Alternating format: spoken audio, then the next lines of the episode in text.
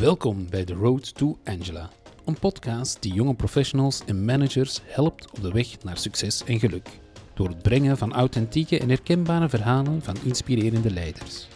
Het unieke aan ons concept is dat we onze weg laten wijzen door onze gesprekspartner. En zo, als een soort van menselijke kettingbrief, komen we elke podcast een stapje dichterbij. Welkom bij een uh, nieuwe aflevering van The Road to Angela. We zijn hier vandaag met Steven Kozijns. Goedemiddag, Steven. Uh, misschien voor onze luisteraars, uh, kan je jezelf even kort voorstellen? Ja, ik ben dus Steven, um, professioneel um, altijd um, in marketing, media, communicatie gewerkt. Dus ik denk de rode draad in mijn carrière is dat ik altijd met mensen gewerkt heb en met merken gewerkt heb. Ik heb zowel langs um, wat ze noemen de adverteerderszijde gewerkt, bij Unilever, Unilever Coca-Cola, als aan de mediakant bij de Vlaamse mediamaatschappij, maar het grootste deel van mijn carrière in creatieve agentschappen gewerkt. Um, voor de rest ben ik uh, papa van de twee beste kinderen in de wereld en van een hond die jammer genoeg vorig jaar gestorven is. Oei, dat is altijd jammer. Ja. Voilà. En woonachtig in Antwerpen sinds een viertal jaar. En je zegt uh, altijd uh, gewerkt in creatieve agencies. Doe je dat momenteel vandaag ook nog? Of, uh... Ja, klopt, absoluut. Dus um, een goed jaar terug zijn wij met, samen met mijn twee creatieve partners van BBDO, het bedrijf waar ik tien jaar voor verantwoordelijk ben geweest, um, zijn wij een creatief agentschap gestart. Met een kleine groep van mensen. We hebben dat bewust gedaan, omdat je in onze sector op zich geen voordelen van schaal hebt. Um, en dus we hebben eigenlijk gekozen om een klein flexibel, leuk agentschap te maken, omdat we na tien jaar dachten van het is wel gezond voor zowel onszelf als voor het bedrijf om eens te wisselen van, uh, van omgeving. En omdat we eigenlijk vooral wilden terug rechtstreeks voor klanten en op projecten werken.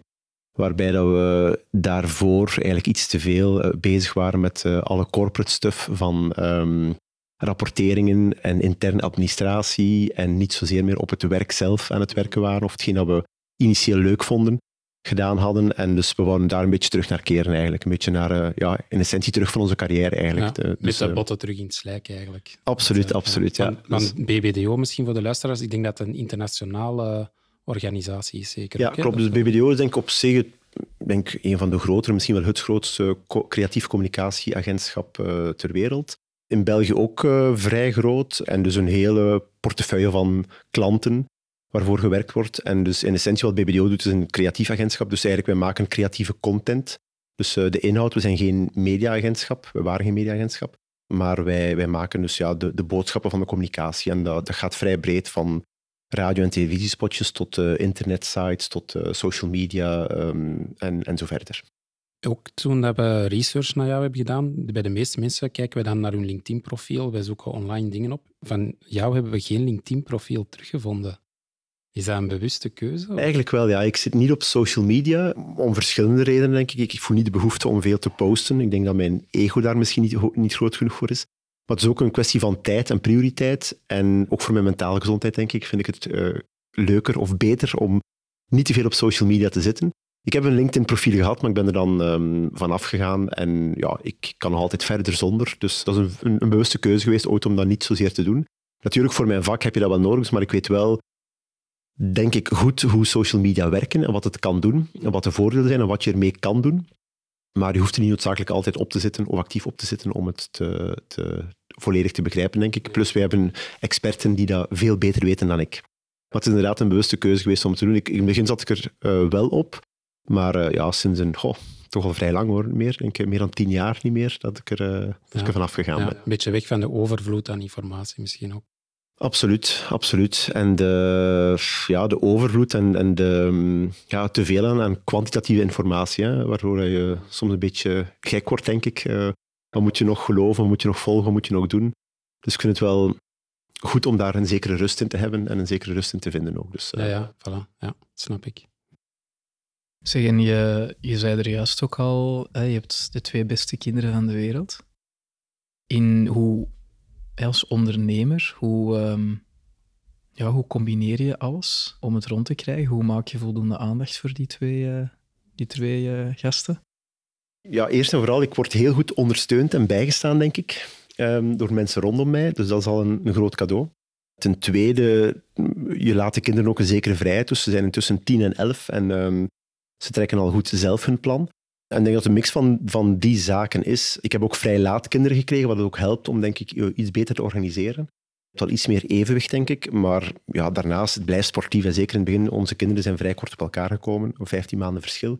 Dus in het begin, en de hond is er ook nog toen bijgekomen op hetzelfde moment. Dus het was um, puppytraining en pampertraining terzelfde tijd. Maar, maar op zich, ja, nu, nu, is, dat, nu is het zalig. Hè. Je kan met hen leren, je kan van hen heel veel leren. Ik heb denk ik het meest geleerd, ook van de kinderen. En van de hond ook trouwens. In mijn, in mijn managementstijl, mijn leiderschapstijl algemeen. En um, ja, hoe doe je dat? Gewoon, denk ik, ik ben niet zo goed georganiseerd over het algemeen. Maar ik heb vooral heel veel steun van mensen rondom mij. Ik denk dat dat het, uh, het grote verschil maakt. Plus, ja, ik denk, sinds dat wij ons eigen bedrijf gestart zijn ook, worden wij niet meer zo geleefd door onze agenda. Dus we hebben iets meer controle over onze eigen agenda en dat helpt ook wel veel, vind ik. Dus uh, ik, kan, uh, ja, ik kan meer kiezen wanneer we wat doen. Uiteraard heb je nog altijd klanten en moet je nog altijd uh, soms reactief zaken doen, maar over het algemeen hebben we veel meer controle. En het helpt ook natuurlijk dat ik gescheiden ben intussen, waardoor ik de kids één week op twee heb. Dus dan ben je één week, kan je ook beter plannen om één week op twee de kinderen te hebben en één week ben je volledig vrij. Ja, dat hebben we nog gehoord in onze podcast. Um, ik, ben wel, ik, ik heb al een paar keer zo de, je hond uh, horen vernoemen. En er net over dat, dat je dat een beetje meeneemt in je managementstijl. Dat je daar, wat heb je er juist van geleerd? Uh, wat heeft dat bij jou gedaan? Goh, heel veel eigenlijk. Um, ik, ik, ben heb ooit eens geluk gehad om naar Harvard te gaan. En daar moest je um, op een bepaald moment een oefening doen rond je leiderschap. dus van waar kom je? vanaf je jeugd moest je echt heel diep gaan vanaf je jeugd, uh, je eerste ervaringen, je professionele ervaringen en zo verder. En dan, zoals altijd in, in, de US, moet je dan uh, een uh, soort van taak maken. En om, om af te studeren was dat toen je eigen leiderschapsstijl beschrijven. En ik had toen een, een stuk gemaakt met als titel Leadership Without a Leash. Dus leiderschap zonder leiband. Dat was puur geïnspireerd op mijn hond. En waarom? Omdat ik ben eigenlijk een, een traject doorgegaan dat ik vrij veel training heb gehad over leiderschap, dat vrij vroeg gedaan heb. En ik was begin de dertig, was ik voor de eerste, eerste maal CEO. Ik heb toen veel meer fouten gemaakt dan goede dingen gedaan. En nu nog altijd waarschijnlijk. Maar ik had het wel een beetje gedaan. Ik had al wat ervaring. Ik had al wat boeken gelezen erover. Ik had al heel veel coaching en, en tips gekregen. Maar bij mij zijn de echte inzichten pas gekomen, denk ik, toen, toen ik echt uh, mijn hondentraining leerde. Ik kende niks van honden. Ik, ken echt, uh, ik, ik, ken, ja, ik had nog nooit een hond gehad. We namen niet en dan ben ik daarmee naar de les gegaan. Heel goede lesgeefsters gehad. Um, en eigenlijk die, die technieken die je daar leert, kon ik vrij goed toepassen op organisaties ook. Dus, en ja, dat was een beetje de metafoor. De metafoor was eigenlijk van, uh, ik denk mijn leiderschapsstijl is ook ietsje meer van, geef de mensen maar de vrijheid om te doen wat ze willen. Maar dat wil niet zeggen dat je mensen moet loslaten. Dat wil niet zeggen dat, gewoon, dat je gewoon niks moet doen. Maar als je, denk honden of andere dieren ook veronderstel ik, wil echt in de juiste richting bewegen, dan, dan zijn er wel bepaalde technieken of, of bepaalde zaken dat je kan doen. En dat ging over weet ik veel, je moet heel duidelijk zijn. Je moet echt naar een dier moet je heel duidelijk zijn, maar ook holistisch duidelijk zijn. Niet alleen met je, met uw stem, maar ook met hoe dat je gedraagt, hoe dat je houding is. Dus hè, de, de voorbeeldfunctie van, van een leider kwam erin terug. Uh, ik moet al even denken wat ik er nog allemaal geschreven had. En ook de hiërarchie van luisteren. Bijvoorbeeld een, een, een dier, of een hond in ieder geval. De hiërarchie is altijd uh, reukzin, dan uh, kijken en dan pas horen. Dus als je zegt tegen een dier, kom hier, ja, dan moet je al die twee anderen overroelen moet je al zijn instinct overroelen om, om eerst te ruiken, dan te zien en dan te luisteren naar jou. En in veel organisaties of met, met, met menselijk leiderschap is dat ook wel vaak zo dat je bepaalde andere zaken, dat gaat dan niet over reukzin of, of, uh, of zicht natuurlijk, maar andere zaken moet, alle andere intuïtieve reflexen moet overroelen om, om toch de organisatie of de mensen in de juiste richting, richting te bewegen dat je, dat je wenst.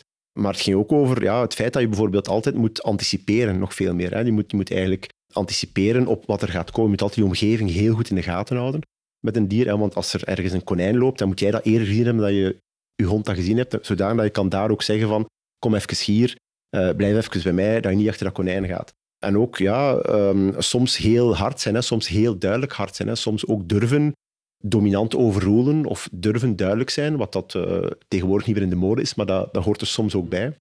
Op momenten ben ik het belangrijkste is empathie. Is empathie van proberen te begrijpen waarom zaken gebeuren, waarom in dit geval dat dier dat doet, waarom dat bepaalde mensen bepaalde zaken doen, waarom organisaties zo in elkaar zitten. Dus denk het waarom achter veel zaken en dat begrip is nog het belangrijkste, denk ik. zo waren er nog een aantal andere zaken die ik wel vernoemd had als metafoor. Ik weet niet meer wat exact was, maar daar komt het wel op neer. Van, van, uh, En ik denk dat dat dat zo een van de momenten geweest is, omdat dat natuurlijk, ja, ik heb dat pas later ook geleerd. Ineens kwam dat mooi samen, dat ik dacht van, oh, dat is wel een goede techniek om, om te kijken naar, naar bepaalde zaken.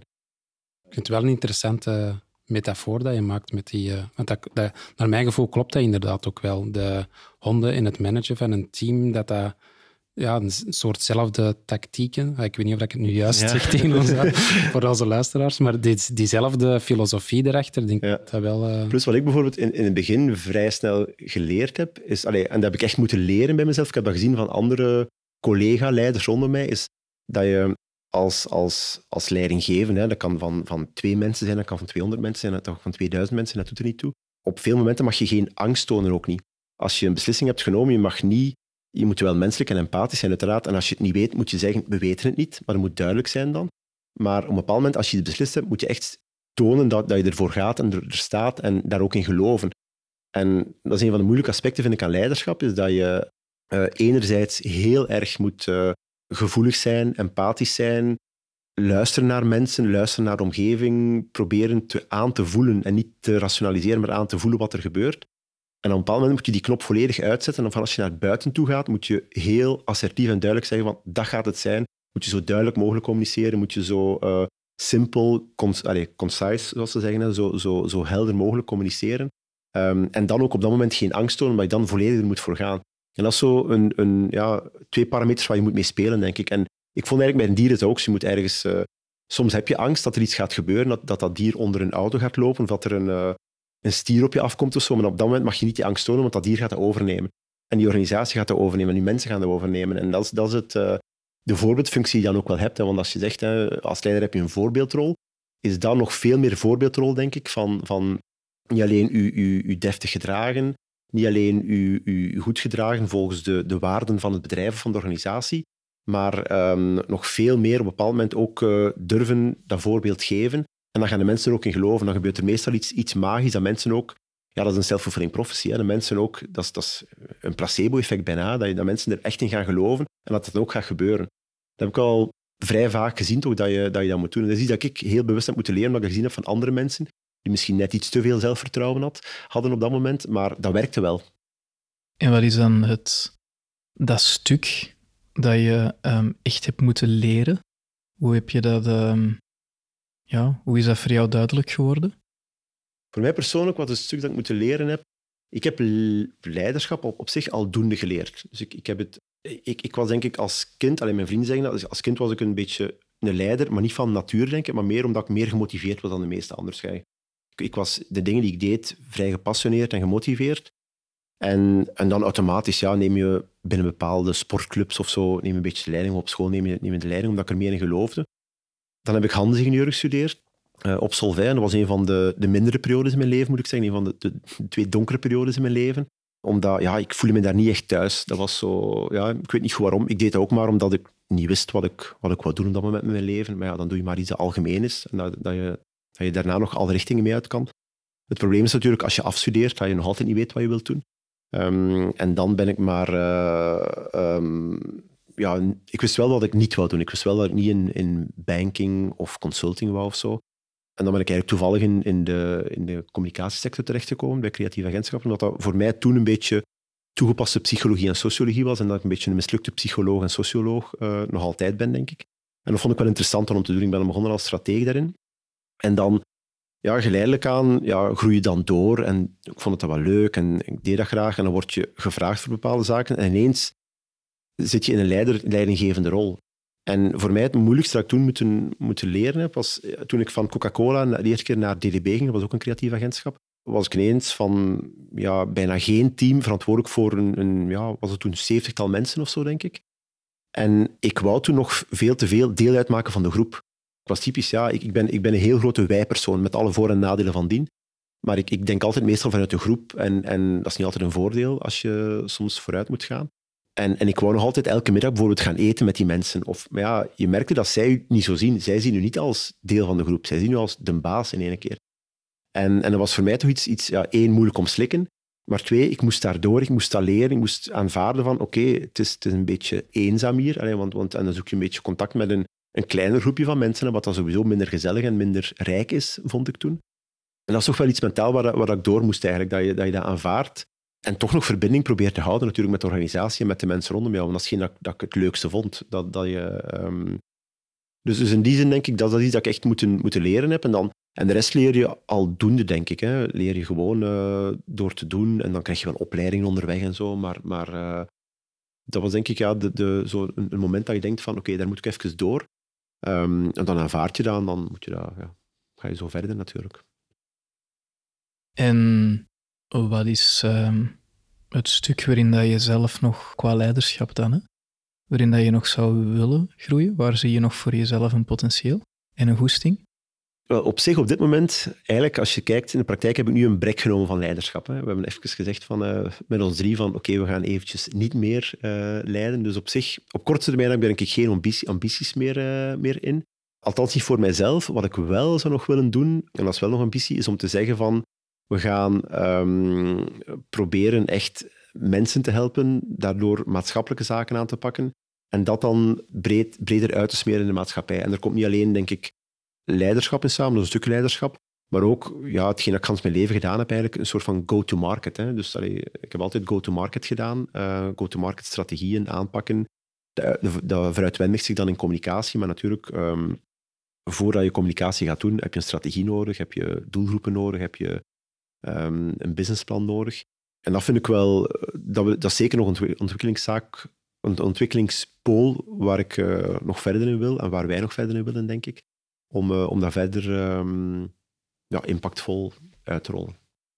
Oké, ik hoorde jou uh, er straks ook zeggen vanaf kleins af of vanaf jongs af aan, dat je ja, misschien op sommige vlakken net iets meer ja, goesting had of, of meer voor iets wilde werken om ergens te geraken. Van waar komt dat, dat stuk? In mijn, mijn geval was dat puur nature-nurture. Dus um, bij mij was het denk ik nature. Omdat ik ben niet in, niet in een omgeving opgevoed waar, uh, waar noodzakelijk hoge ambities werden gesteld. Er was heel veel liefde en, en, en, uh, en zorg voor mij, maar de ambities waren, waren niet noodzakelijk zo hoog. Tot op het punt dat bijvoorbeeld toen ik van uh, van Coca-Cola naar DDB ging, dat mijn ouders zeiden van, ben je wel zeker? Ik, ik, was blij, iedereen onder mij was blij. Eerste keer managing director of CEO, ik weet zelfs niet meer wat de titel was. Maar iedereen blij en mijn ouders van, oei, ben je wel zeker? Zou je dat wel doen? Je hebt een, een veilige job, je hebt een goede job, dus dat was meer de... Dus dat, dat werd niet gestimuleerd. Het is wel gaandeweg door mijn omgeving, denk ik, een beetje gekomen. Dus het was, geen, het was nooit een doel op zich. Tot zelfs op bepaalde vlakken dat ik dat ook soms vervelend vond voor mezelf. Dus ik, ik, allee, ik aanvaarde wel mijn rol als leidinggevende of bij BBDO bijvoorbeeld CEO. Maar dat hoefde voor mij ook niet noodzakelijk. Dus dat was, absoluut geen, geen, uh, geen doel Bij mij was meer, zoals bij veel mensen toch wel nog altijd, denk ik, iets waar je in rolt en iets dat gebeurt. Dus ik heb nooit echt een plan gehad. Veel van mijn collega's en vrienden ook niet als ik, als ik, eh, als ik uh, doorvraag. Dus niet dat er een groot plan bestaat, maar ja, je hebt een bepaalde passie voor iets, je hebt een interesse in iets en dan groeit dat verder. Nu, ik denk wel dat je tanden niet mag uitsluiten. Ik probeer dat bijvoorbeeld bij mij en mijn kinderen wel door te geven. Dat je, je hebt twee manieren om zaken gedaan te krijgen. Je hebt je, hebt, uh, je passie of je discipline. En alleen op passie is het ook niet goed. Je hebt wel ook wel bepaalde discipline nodig en, en zaken in je, in uw denken, in je doen, in je, um, in uw dagelijks leven nodig om vooruit te geraken. Dus ik denk dat dat ook wel heel belangrijk is dat je, dat je die zaken hebt. Maar um, ja, bij mij was denk ik een stuk nature dat, er, dat erin zat. Maar ik zeg niet noodzakelijk rond leiderschap of een ambitie daar rond, maar eerder rond van een passie rond de zaken die ik deed, denk ik. En als gevolg daarvan komen de andere zaken. En dat is ook wel nuttig natuurlijk, hè, want dat is het cliché, maar dat klopt wel. Als je iets vindt dat je graag doet, ja, je moet dat toch elke dag doen en veel doen. En dan, uh, dan blijf je dat doen. Het nadeel daarvan is, dat heb ik ook ervaren, is dat je er soms ook wel in verliest natuurlijk. Dat je erin te ver gaat, dat dat te veel een passie wordt.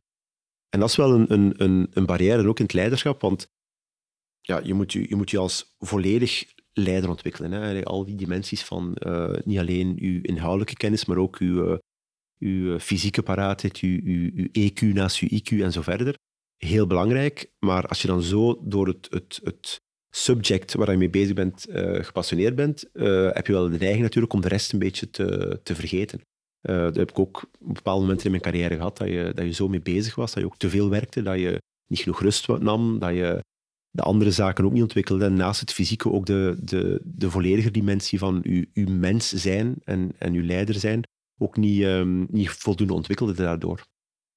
En dat, en dat zo dan te ver gaan, moeten we, moeten we dat dan zien dat je zo heel hard die goede leider wou zijn? Of was het voornamelijk dat je die, die passie voor die communicatie en die marketing, dat je daar eigenlijk te veel hooi op je vork en te operationeel bezig was? Of? Ja, dat een stuk. En, en um, combinatie met u verantwoordelijk voelen voor de organisatie en de mensen. Hè. Dat je zegt van, oké, okay, uh, die je bent verantwoordelijk voor de mensen in de organisatie. Dat was bij mij vooral het, uh, het grote um, drijfveer of de, de, ja, de grote... Ja, en hoe ben je er dan vanaf geraakt eigenlijk, om naar een gezondere balans aan te gaan? Goh, op een bepaald moment uh, zegt je omgeving stop, zegt je lichaam stop, zegt, uh, je hebt natuurlijke barrières altijd. Hè, die, uh, en dan, ja, dan leer je daarvan, daar evolueer je daarin. En, en dat is ook een gezonde evolutie, denk ik, want dan zie je ook zaken achteraf helderder door meer in balans te zijn. Um, en ja, daar heb je automatisch natuurlijke remmen in voor, denk ik. En daar moet je wel ook naar luisteren dan op dat moment. Ja, ik denk dat dat wel belangrijk is. Ja, dat je daar inderdaad, absoluut. En dan, uh, nu, ik vind het ook niet slecht om soms...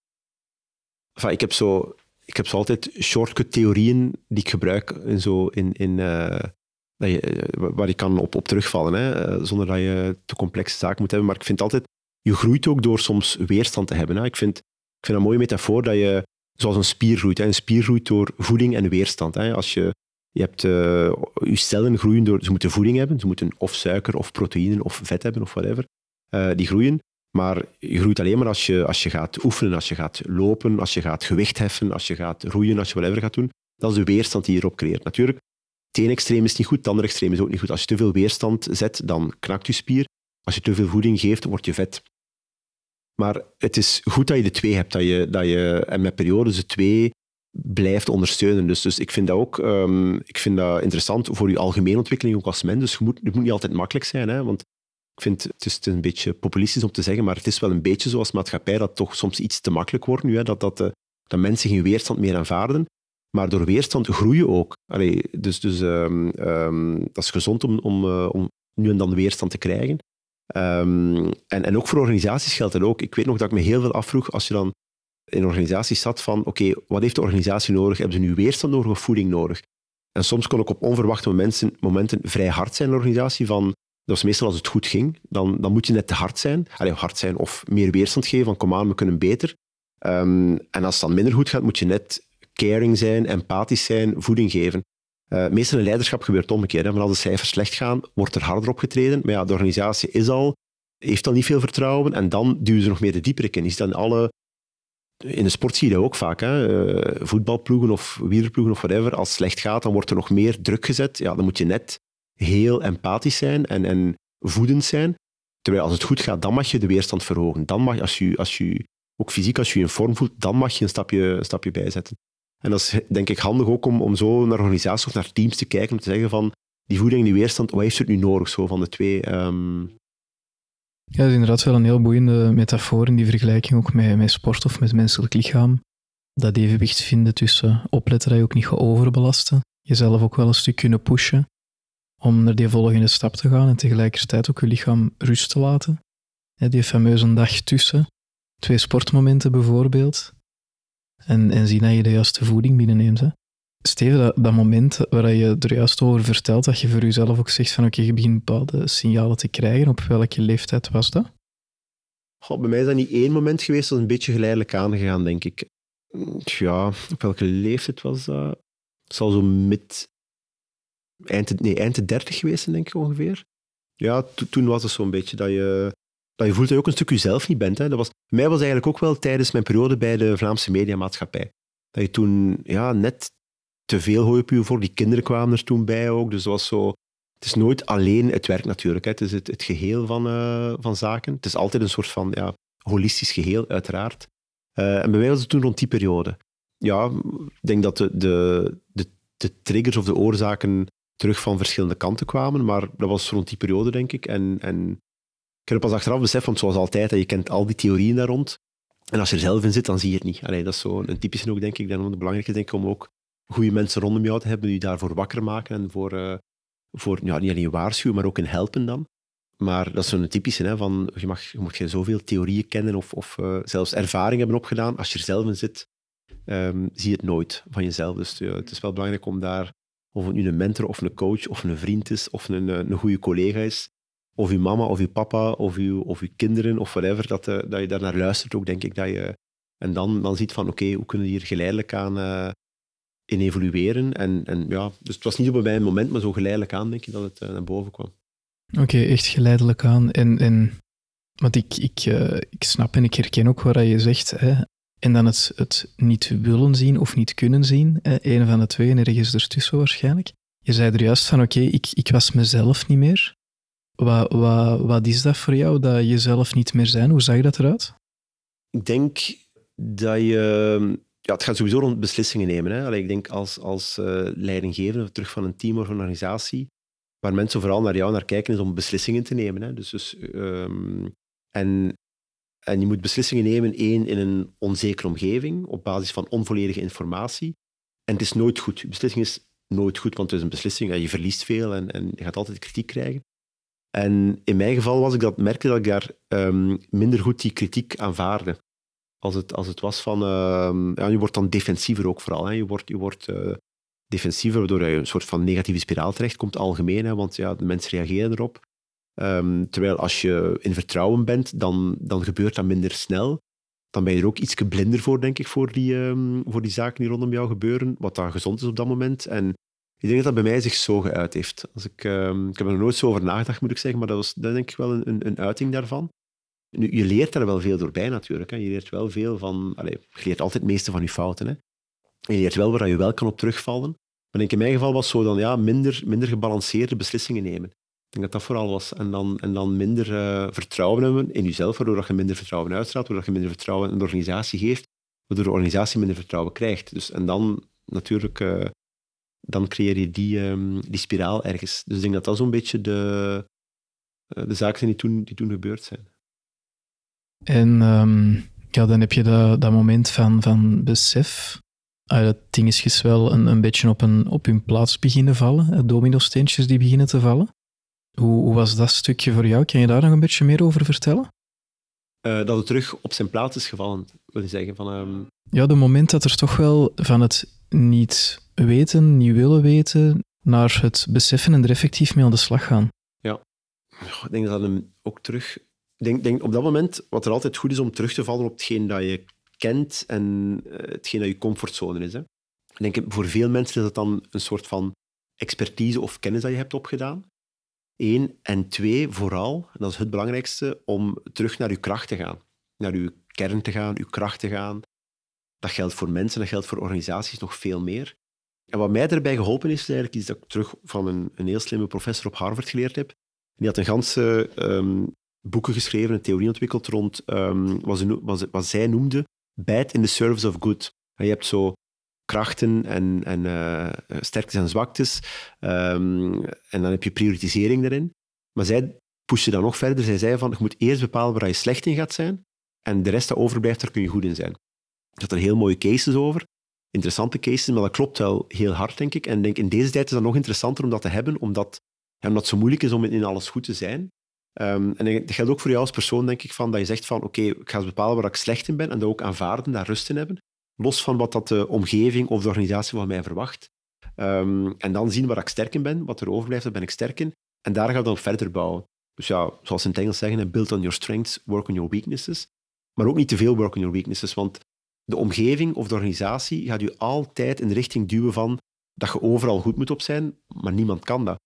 En er zijn natuurlijk technieken voor om je te omringen met mensen die, die beter zijn op bepaalde vlakken dan jou. Ik dat dat voor, voor iedereen van ons de, de, grote moeilijkheid is om te weten van waar ben ik echt sterk in. En, en niet zozeer waarvan de, de zaken waarvan dat je denkt dat je sterk in bent, of de zaken waar andere mensen van jou verwachten dat je sterk in bent, maar de zaken waar je, er echt sterk in bent. En dat is een, een, zoektocht, denk ik, voor iedereen.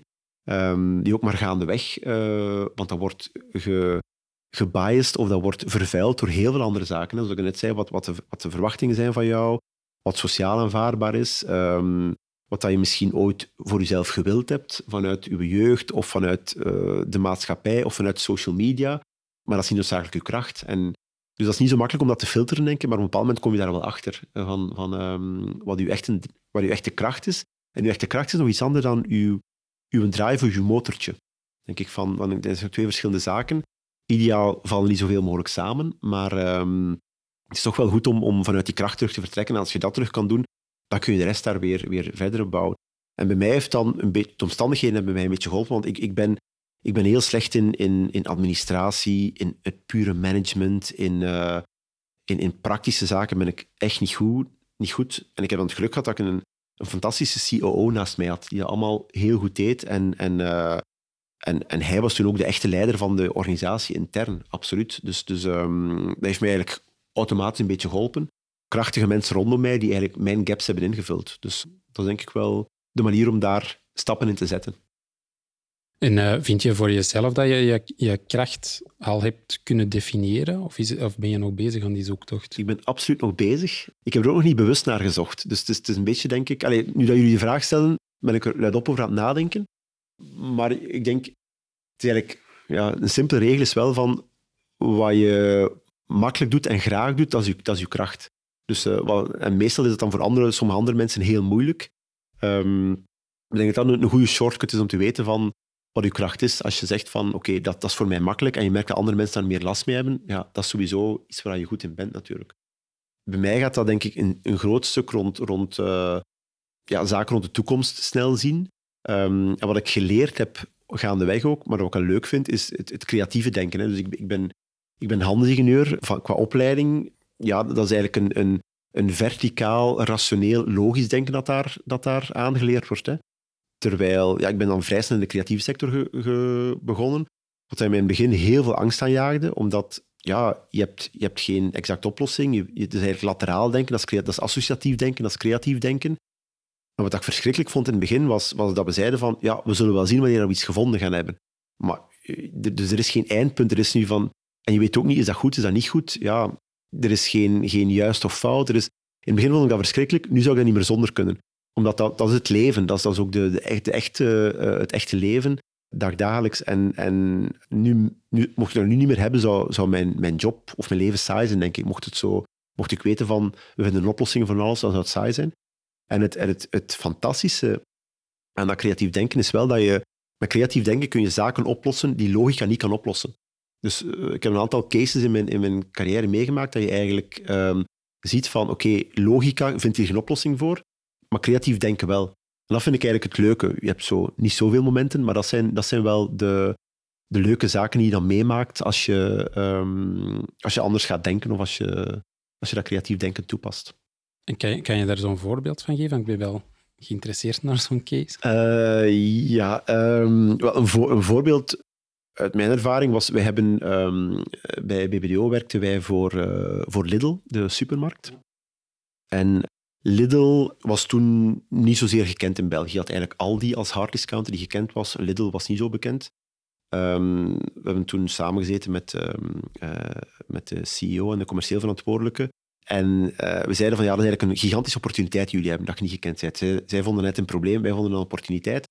We hadden eigenlijk vrij snel gezegd van wat dat H&M gedaan of betekend heeft voor mode en wat IKEA betekend heeft voor meubelen, kan Lidl worden voor um, food retail, voor voedings, um, voedingssupermarkten. Namelijk, als je een, een, glas van IKEA op tafel zet, dan, dan, ben je niet beschaamd dat dat op tafel komt. Als je een kledingstuk van H&M aan had, uh, ben je niet beschaamd dat je een kledingstuk van H&M aan had.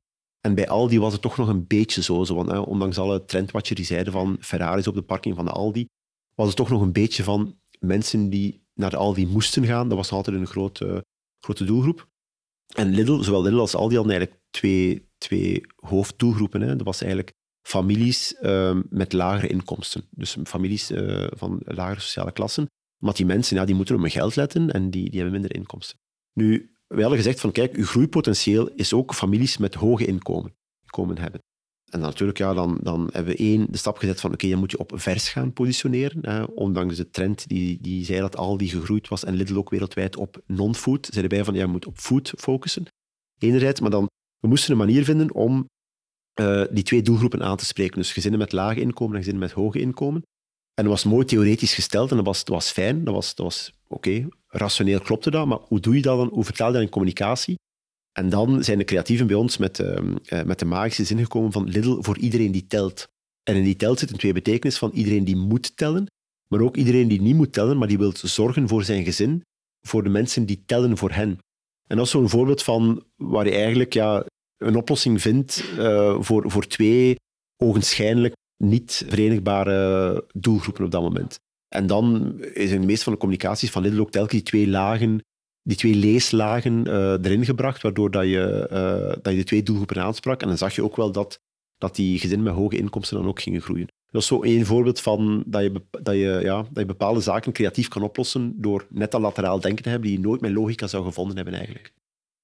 Ik heb zoiets, we hebben zoiets nog een vraag van, van Tom voor jou, maar ik kan die nog eventjes voor mezelf parkeren. Tom Wilme trouwens, die, uh, die jou ook op onze weg heeft gebracht. Steven, we hebben al een stuk ingezoomd op een, ja, een, een belangrijk kantelmoment. Ik mag het zo, zo denk ik wel noemen. Je hebt al kort eventjes ook aangeraakt, hè, die periode dat je handelsingenieur studeerde. En er was nog ook niet iets anders, maar dat zit al een beetje verder. Nu, als je terug eventjes gaat voor jezelf, naast ook die periode waarin dat je terug een, een andere balans voor jezelf hebt moeten vinden, wat is nog zo een, ja, een, een echt belangrijk kantelmoment geweest voor jou? Ja, sowieso, zoals bij elke ouder, het krijgen van kinderen, denk ik, is een belangrijk kantelmoment geweest, omdat ik er ook heel veel van geleerd heb. Ook dat je toepast in je werk. Hè? Dus dat je uh, bepaalde zaken die je van de, van de kinderen denkt, meeneemt. En de grootste zaak, denk ik, die ik daar meegenomen heb, en daar geloven nog altijd heilig in, en meer en meer, is dat um, la simplicité est la plus grande forme de sophistication. Dus, dus de eenvoud is de hoogste vorm van, van um, uh, sophisticatie eigenlijk. En uh, dat is een grote moeilijkheid. Hè? Je beheerst een, een, iets pas echt als je volledig kan uitleggen aan een kind, um, zodat het nog begrijpbaar is. Er zijn heel veel sectoren die, um, die een businessmodel hebben gebouwd rond dingen complex maken. Hè. Heel veel consultants, heel veel investmentbankers, heel veel bedrijven die dingen bewust complex maken. Ik moet zeggen, toen ik afgestudeerd was handingenieur, was ik ook heel goed in, uh, denk ik in het begin van mijn carrière, heel moeilijke slides maken en waar heel veel op stond. Maar als je het dan aan een creatieve moest uitleggen, zeiden van ja, maar cut the crap, wat is de essentie hiervan? Wat moeten we onthouden? Want wij moeten dan wel naar een breed publiek gaan communiceren. En hij heeft me wel geleerd om zo te filteren en te zeggen van oké, wat is hier de essentie ervan? En dan was ik gaandeweg een beetje terug verloren, denk ik. En die, die kinderen hebben terug weer wakker gemaakt mij van wacht, je moet het wel simpel kunnen uitleggen aan die kinderen of aan een leek uitleggen of eigenlijk je strategie uitleggen aan een, een vijf jaar oud kind. Dat is eigenlijk de, de, de goede test. En als je dan toch nog die nuances daar kan inbrengen, toch nog die, dat denken er kan inbrengen, dat is, dat is het ideale. Want dat moet niet zeggen dat je simplistisch moet denken. Dat wil wel zeggen dat je moet doorgedacht hebben. Dat je moet een lang traject gedaan hebben en veel gefilterd hebt en veel iteraties gedaan hebt om het dan simpel te maken. En voor een buitenstaander lijkt het dan misschien simpel, maar iedere professional weet wel dat er een gans traject is doorgegaan, dat, je, uh, dat, je, dat simpel is gemaakt. Zie je in kunst ook. En in kunst dat meestal, of kunst in de brede zin van het woord, of dat er nu muziek, muzikale artiesten zijn, of in elke substroming van kunst of van creatie, van creatief beroep, is dat je eerst binnen de sector jezelf moet bewijzen, om dan naar het groot publiek te kunnen gaan. En dan moet het simpeler worden, maar je moet wel je credentials hebben binnen whatever categorie dat je zit, om dan, om dan hoger te gaan. Dus dat is zeker zo'n moment geweest. En een ander moment dat, dat ik aan denk, was toch wel mijn periode op de universiteit, waar, uh, waar we ook een, een klein ondernemingsje hebben gehad. Uh, we, hebben zo, we hadden zo met, met drie medestudenten een mini-onderneming. En ondanks het feit dat ik totaal geen ondernemer was, omdat dat, ja, dat was niet, niet de ambitie, ik was er ook heel slecht in, ben ik daarin meegenomen dankzij hem, waar ik, ik altijd heel dankbaar voor ben daar heb ik geleerd dat dat helemaal niet zo moeilijk is ondernemen. Allee, dat, nee, het is niet dat het makkelijk is, maar dat je, dat je er ook wel vertrouwen kan, kan hebben dat dat, dat, dat, dat, gaat vooruit gaan, dat het ook wel plezant is. Dat je uh, wat meer controle hebt over, over je agenda. Dat je, ja, daar heb ik eigenlijk wel de, de microben van het ondernemen gekregen, denk ik. En ook minder angst ervoor gekregen dan. Waardoor we nu ook onze stap hebben gezet als laatste stap een jaar terug om een eigen bedrijfje te starten natuurlijk. Dus dat vond ik ook wel een belangrijke periode, dat je dat je weet, ja, in het Engels zeggen ze dat mooi, je muscle memory. denk, denk wat, wat, een goede vriend van mij altijd gezegd heeft, van je moet op jonge leeftijd moeten dingen durven doen. Dat wil ik ook aan mijn kinderen meegeven, dat, dat, uh, omdat je gaat veel fouten maken, maar je kan die beter jong maken dan als je ouder bent. En, en ja, aldoende leert men, zegt men het Vlaams, maar je muscle memory, ik, ik merk dat nu wel, dat helpt mij heel veel. Als je al zaken gewoon een paar keer gedaan hebt, dan, dan helpt je dat later enorm veel, omdat dat in je systeem zit, dat dat in u zit, dat bijna in je cellen zit, waardoor je automatisch kan toepassen. Dat je niet meer moet rationeel bedenken, dan zit dat in je intuïtie bijna. En dat vind ik ook wel interessant, dat je zegt van op jonge leeftijd dingen doen, zelfs als je daar angst voor hebt of, of nog niet durft of zo. Maar laat je daarin meeslepen en doe dat gewoon, want de meeste mensen die later ook wel doorgroeien, en hoeft niet hiërarchisch te zijn, hè, maar, maar die, ehm, eh, die voor zichzelf ook doorgroeien, is omdat ze die zaken allemaal gedaan hebben, gewoon door te oefenen eigenlijk. Dat vind ik ook wel een, uh, een, een interessante. En de rest zijn rationele zaken, denk ik, die, die ik onderweg geleerd heb. Um, van, van mensen managen en teams managen en, en, en business bekijken. Ja, dat leer je ook een stukje aldoende, maar dat is denk ik uh, dan de ervaringen. En als je zo kijkt naar je, naar periode bij BBDO, ik denk dat je daar ongeveer het summum hebt bereikt in de reclamewereld, als ik het zo mag gaan noemen, uh, in België. Um, je zet dan die stap naar een eigen bureau. Is dat um, een, een kantelpunt voor jou geweest? Of, was dat een beetje, of is dat natuurlijk verlopen? Hoe, hoe is dat juist gegaan, die, die stap? Het is vrij natuurlijk verlopen. Zoals ik zei, wij, we waren dan met ons drie eigenlijk tien jaar. En ja, het was tijd voor iets anders. Er was weinig groeimogelijkheid daarbinnen natuurlijk. Ja, uiteraard. Ja. Omwille van, van de omstandigheden hoe dat BBDO georganiseerd is als, als netwerk. Enerzijds en anderzijds, ja, het is ook gezond voor de organisatie dat er, dat er een keer wat verandering is. En dat is eigenlijk vrij natuurlijk verlopen. Niet dat wij groot plan hadden. Iedereen dacht, dat jullie hebben een plan, maar eigenlijk hebben we het vrij snel beslist, vrij intuïtief beslist en zijn we eraan begonnen. Dus we hadden ook geen klanten, we hadden geen, geen business, uh, we hadden geen plan.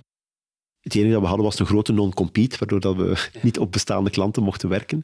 Maar dat was het eigenlijk. Voor de rest, uh, inderdaad, was niet...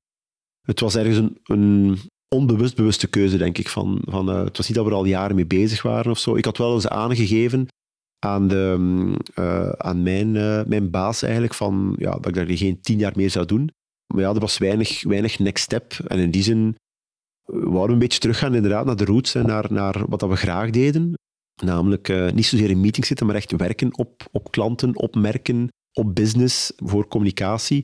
En dus is inderdaad een beetje, ja, je verliest een aantal privileges, maar het is wel voor ons op dit moment veel plezanter. Het is veel, ja, het is veel onzekerder natuurlijk, maar veel plezanter wel. Dus um, dat was eigenlijk de, de, de, hoofdmotivatie dat we terug um, projecten en klanten wilden werken. Dus het was niet zo een... Ja, het is belangrijk dat het plezant is. Hè. Dat is uh, je moet het toch veel doen. Dus dan, uh... Absoluut, absoluut, ja. Dus, um, en dus in die zin, ja, plus, ja, er waren ook een aantal externe uh, evoluties die wij zagen, dat het, uh, dat het mogelijk maken. De nieuwe manier van werken, het feit dat, uh, dat mensen nu ook anders in organisaties staan, dat er veel meer freelancers zijn, dat mensen meer hun eigen gaan willen bepalen, maakte dat het niet noodzakelijk is om een grote organisatie te hebben. Dus um, in die zin, dat dat dan, en dat merken we nu ook wel, we kunnen eigenlijk vrij grote budgetten, vrij grote klanten aan met een klein team. Dus onze ambitie is eigenlijk om niet zo groot mogelijk te worden, maar zo, zo klein mogelijk te blijven. En dan, als het nodig is, in het moment groot te zijn en dan weer um, zo kernachtig mogelijk en klein mogelijk te, te blijven. Dat was een beetje... Het was een, een half experiment hoor, want het was niet dat we zeiden van dat gaat lukken, maar voorlopig lukt het wel. Dus voorlopig um, draait het wel inderdaad. Ja, ik vind het ook wel leuk om te horen hoe dat je, je, je, je gaf er straks aan, hoe dat je eigenlijk als handelsingenieur van opleiding in die meer creatieve wereld een, een, een, een aantal van die kernideeën of manieren van denken hebt moeten loslaten. Meer kunnen in die onzekerheid stappen. Tegelijkertijd vertelde je er straks ook van ja, eigenlijk het op zoek gaan waar dat je echt goed in bent. Ook door te ontdekken natuurlijk, of door op zoek te gaan waar je niet zo goed in bent.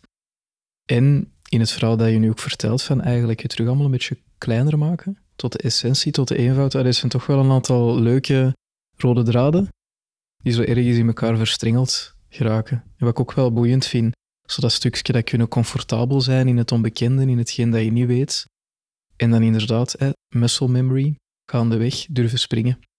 Ja, en ook, en ook die, die verbinding, hè. of dat er nu klopt of niet, maar left brain, right brain. Dus, dus uh, meestal in gans onze schoolse carrière wordt iedereen, tenzij dat op een Steiner school zit of zo, word je getraind in left brain thinking. Hè. Is, is het heel rationeel, left brain thinking denk, eh, eens dat ik begon te werken, in de omgeving dat begon te werken, heb ik die, dat, dat right brain denken moeten ontwikkelen. En dat is wel interessant als je de twee kunt, allee, dus dat, dat, een stuk dat loslaten, um, een stuk dat anders denken ook. Dat is wel interessant, want dan, ja, dan, het is iets anders als, als je zaken moet creëren natuurlijk. Hè. En wat ik ook geleerd heb, is van veel meer op je gevoel te gaan, te gaan in de organisatie staan of managen of leiden. Uh, het is zo het cliché van, van de, de creatieven die de dag niks doen of ogenschijnlijk niks doen, maar die zijn er wel heel hard mee bezig natuurlijk. En, ik vind het wel interessant van, als je, als je kijkt naar, dat is ook de manier dat je brein werkt. Hè. Je hebt zo, hè, je brein bestaat eigenlijk uit twee grote delen, vooral drie grote delen, dat is van left en right brain, maar je hebt eigenlijk je, uw kernbrein, hè, uw, uw, stam van uw brein, dat is eigenlijk uw, eh, reptielenbrein. Hè, dat, is, dat is verantwoordelijk voor al eh, de basiszaken. Hè, uw, ademhaling, uw hartritme, uw hartkloppingen, uw zweten uh, en uw vier F'en. Hè, uw flight, fight, uh, food en, en fog, denk ik dat ze, dat ze noemen. Dat zijn de, de basisdingen die je onbewust doet. Dan heb je tweede laag uw, um, uw zoogdierenbrein of uw limbisch systeem. En dat is al zo, ja, zoogdieren moesten al meer um, meer input kunnen verwerken. Dus daar zitten uw emoties, uw sociaal gedrag, uw taalvaardigheden zitten daar. En dan heb je net onder uw schedel heb je uw homo sapiens brein, uw cortex. En dat, dat, is, uw meer complexe denken, uw rationeel denken ook. Hè. Uw, uh, uh, kunt al uh, imaginaire werelden oproepen, kunt complexe problemen oplossen. Nu, wat blijkt, allez, wij, zijn getraind in een managementomgeving om altijd die, die, cortex, die, die cortex te gebruiken, dat rationeel denken te gebruiken. Terwijl in de maatschappij maar dus ook in, in bedrijven, beslissingen worden genomen in, in dat middelste deel, op basis van gevoelens. En er is een mooie case in Amerika van een, zeker een Elliot, is ook een boek over geschreven. En die, die, die, die persoon die had een tumor, en die tumor had eigenlijk heeft overleefd. En met die tumor had zo dat middelste deel van zijn brein volledig kapot gemaakt. En, die, um, um, en wat bleek, die persoon kon geen beslissingen meer nemen. Dus die kon perfect denken, die werkte, die functioneerde perfect, maar die kon niks meer beslissen. Dus die kon niet meer beslissen wat hij een dokterafspraak zou maken op dinsdagmorgen of donderdagavond, die kon niet meer beslissen. En dat leert ons dat, dat je eigenlijk beslissingen altijd emotioneel maakt en achteraf postrationaliseer je. En dat is belangrijk voor merken en mensen en organisaties. Want, want dat wil zeggen dat je organisatie is op gevoel dat, dat mensen dingen doen. Dus als je, als je mensen wilt overhalen om iets te doen, moet je de gevoelens bespelen of, de, of, of op de gevoelens inhaken of de gevoelens uh, bespelen. Allee, dat klinkt dan zo negatief, maar moet je moet je wel een invloed hebben op de mensen hun gevoel. En achteraf kun je rationaliseren. Maar wat ook de, het interessante in ons vak is, is dat natuurlijk, wij worden geacht om, in een, in een meetingroom worden geacht om slim te zijn en, en heel moeilijke, wat ik ook zei, van, van heel moeilijke slides te maken of moeilijke theorieën te verkondigen. Maar de moeilijkheid is, hoe vertaal je dat dan in, in emotie? Dus je zou eigenlijk, whatever strategie dat je maakt, zou je moeten niet denken think, feel, do. Hè. Dus niet van wat wil dat de mensen denken, voelen en doen, maar vooral van feel, think, do. Hè. Wat wil dat de mensen voelen? Dan even een korte pauze van oké, dan willen we dat ze denken en dan dit, willen we, dit is gedrag dat we willen beïnvloeden. En, en dat is natuurlijk een moeilijkheid van hoe praat je daarover in een organisatie? Hè? Hoe bepaal je die, die, die gevoelens? Want terug, ja, we zijn, we zijn daar, dat is moeilijk om daarover te praten, want we moeten dat in ratio omzetten, we moeten dat in taal omzetten. Maar ik denk dat het ook wel een, een heel veld open ligt om, om mensen te hebben die dat, die dat net aanvoelen. En, en dat soort cliché dat wordt dan meestal vertaald in uh, de cultuur van een bedrijf. En dat is zo de, de bekende, het bekende gezegde van culture eats strategy for breakfast. Hè. Dus je cultuur is veel bepalender dan whatever strategie dat je hebt. Maar dat komt, dat komt er een beetje mee overeen, vind ik zo. Van, van wat, um, uh, wat is het gevoel dat je, dat in de organisatie wil steken? Wat is het gevoel dat je wil geven?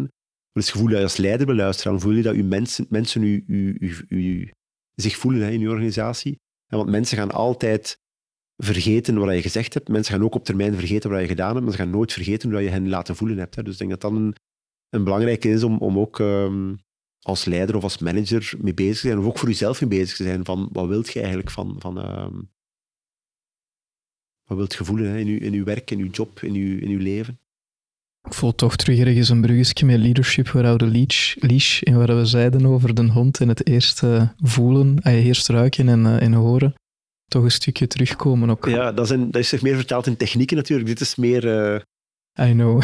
filosofisch misschien, maar uh, er zijn ook technieken om dat, om dat te bepalen. Je hebt archetypen, er zijn technieken om dat gevoel in rationele taal om te zetten. Archetypes, het Sensidia-model, het implicit mapping-model. Um, er zijn wel technieken voor natuurlijk, hè, maar uh, klopt, ja, dus dat is wel een, een, belangrijk gegeven, denk ik.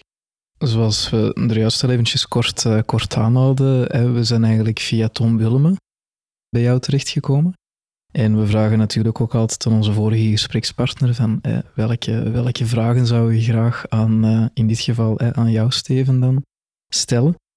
En um, een vraag die je had doorgegeven is, um, ik kan het eventjes ook voorlezen.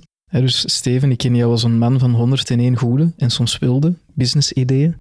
Sommige ervan worden uitgebroed, sommige blijven in de pijplijn zitten en andere blijven wellicht dromen in je hoofd. Hoe zorg je ervoor dat je de dingen die je begint ook tot voltooiing kan brengen? Ik ben daar heel slecht in. Uh, laat dat duidelijk zijn. Dat is niet, dat mijn sterkste kant. Ik, ik ben, uh, bijvoorbeeld, als ik, als ik net had over bijten in de service, is goed. Ik weet, ik ben, ik ben geen closer. Niet in mijn persoonlijk leven, niet in business. Ik, ik, ja, dat is iets dat ik, dat ik denk ik mee leren leven heb, op aanvaard heb. Ik kan niet dingen goed beëindigen. Dat zou waarschijnlijk van heel lang geleden komen. Ik ben een heel last-minute mens ook. Ik ben altijd uh, last-minute geweest. En natuurlijk, hoe meer het dat lukt, dat je last-minute kan zijn en dat dat blijft lukken, hoe meer dat, dat wordt bijna uit een verslaving.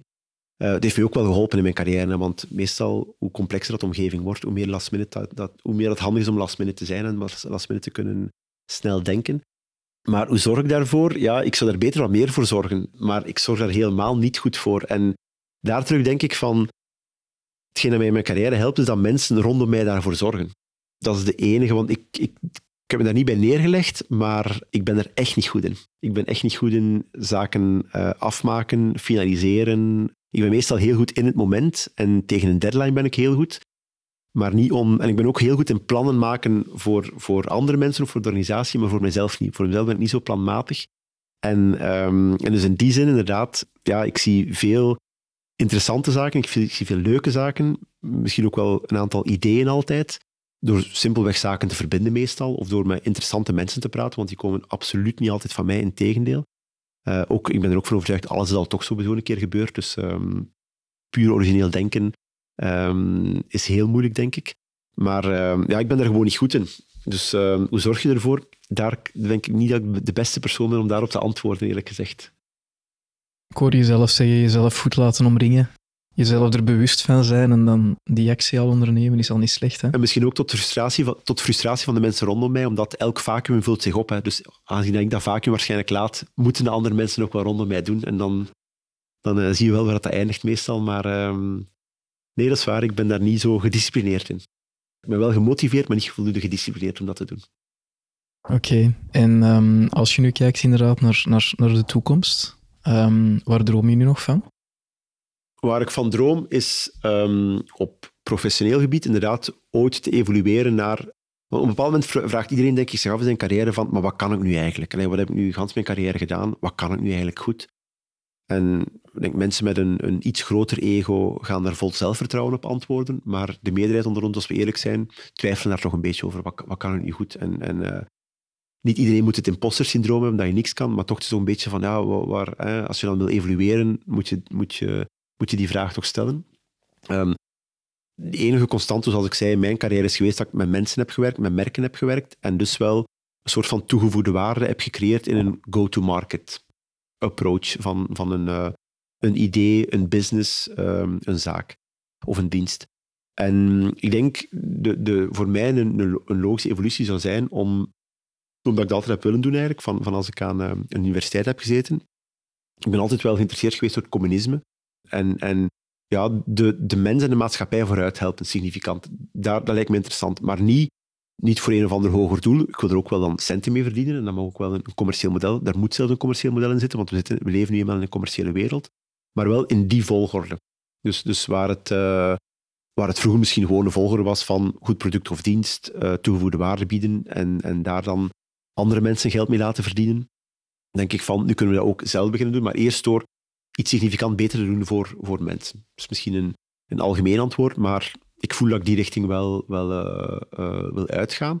En enerzijds en anderzijds dan ook het stuk dat je andere organisaties daar kan in bijstaan. Omdat je natuurlijk een deel door je ervaring vrij snel kan, kan uh, naar de essentie van bepaalde zaken gaan, maar wel vanuit mijn, mijn kennis. Dus dat is geen noodzakelijk financiële kennis, geen noodzakelijk managerial kennis, maar vooral kennis rond hoe bouw je toegevoegde waarde vanuit merken en, en voor de go-to-market. Dus hoe creëer je vragen eigenlijk? Want eigenlijk de essentie wat je altijd gedaan hebt, een vraag creëren. Hè? Um, terwijl de meeste organisaties toch in onze maatschappij, sinds het efficiëntiedenken hè, in de jaren 90, 2000 is geïntroduceerd, zijn toch wel gericht op um, hoe kun je het aanbod zo efficiënt mogelijk naar buiten duwen, uh, maar hoe kun je een relevante nieuwe vraag creëren. En dat lijkt me wel interessant om te doen, um, samen met andere mensen in bepaalde organisaties en zo verder. En als geheel, ja, voor de rest een, een, goede balans of eerder harmonie blijven vinden um, tussen privézaken en, en professionele zaken, omdat je ook wel professioneel veel verder, veel verder, veel verder helpt natuurlijk. Um, dus ik denk dat dat de, de enige bescheiden ambitie is die er nog is. Ja, we zitten ongeveer op de kaap van een uur. Ik heb nog een laatste vraag, tenzij jij er nog een voorlaatste in, Bart. Ja, omdat ik zelf ook in, in marketing uh, zit, uh, interesseert mij wel om te weten waar, dat de, waar dat jij de beste reclamecampagne ooit vindt. En of je die nu zelf hebt gemaakt of iemand anders, maar en waarom dat je die zo goed vindt. Het is sowieso uiterst subjectief en gebiased door mijn eigen ervaring natuurlijk. Maar wat er spontaan bij me opkomt, is de, de reclame van Guinness, van uh, Good Things Come to Those Who Wait. Dat was omdat ik toen de tijd ook in Londen werkte en, en dat toen blootgesteld werd aan de, de Engelse reclamecampagnes. Maar nog meer omdat um, ik heb ook het geluk gehad om te werken met die strateeg en de creatief die daarop uh, op gewerkt hadden. En het, het, was, het leuke eraan is dat daar, dat daar uh, um, een heel goede strategie achter zat. Uh, dat daar goed doorgedacht wordt, ook op een, op een productwaarheid gebaseerd. Hè, want uh, voor de mensen die Guinness niet kennen, Guinness moet je heel traag uitschenken. op de tap, je moet echt dus wachten en je moet het zo vol mogelijk doen, dan wachten, wachten, wachten. Dan nog een keer, dan nog een keer. Dus het duurt heel lang dat je een Guinness geserveerd krijgt. Dus het was eigenlijk een productwaarheid van het serveren van de Guinness, van good things come to those who wait. Natuurlijk vertaald naar een maatschappelijke waarheid ook. Dan vertaald naar een, een commercial met de surfer, heet die commercial. Als je die googelt, ga je die wel vinden. Guinness Surfer. Uh, waarbij dat eigenlijk een, een, um, een surfer, een, een, een, bijna een vintage, uh, door de wol geverde surfer, surft op een muziek van Orbital, ook wel um, een leuke groep van in die tijd. En dat klopte, ze hadden dat gepretest, hè, door alle rationele meetings gegaan. En toch, op het einde kwam er een gevoel uit dat fantastisch is. En dan hebben ze op het einde nog paarden eraan toegevoegd. En niemand weet wat die paarden eraan bijbrachten. Maar iedereen vond dat een geweldige commercial. Dus ik vind die mix interessant van goed dingen doordenken, dan een stuk loslaten en vertrouwen hebben dat het wel goed komt. En dan de creativiteit zijn werk laten doen. En dan een gigantische impact uh, uh, hebben. En dat zit zo in de categorie van ja, van, van, um, van die, die commercial van Cadbury, waarbij dat ze op um, In the Air Tonight van Phil Collins een A laten drummen. Of um, in, de, in de categorie van de Levi's uh, Freedom to Move commercial, waar iedereen door de muren loopt. Dus het zijn zo telkens die dingen van heel goed nagedacht en dan losgelaten en dan iets heel impactvol gemaakt. Um, dat vind ik eigenlijk de mooiste zaken altijd. En ik denk dat dat algemeen ook geldt voor ons in het leven of in, in bedrijven, dat je moet goed nadenken en dan op een bepaald moment wel loslaten en, en zien wat er van komt en vertrouwen hebben en dan, dan komt het wel goed. Ik vind het een fantastische afsluiter. Dankjewel, Steven. Met plezier. Volg onze verdere avonturen in episodes via LinkedIn of theroadtoangela.be.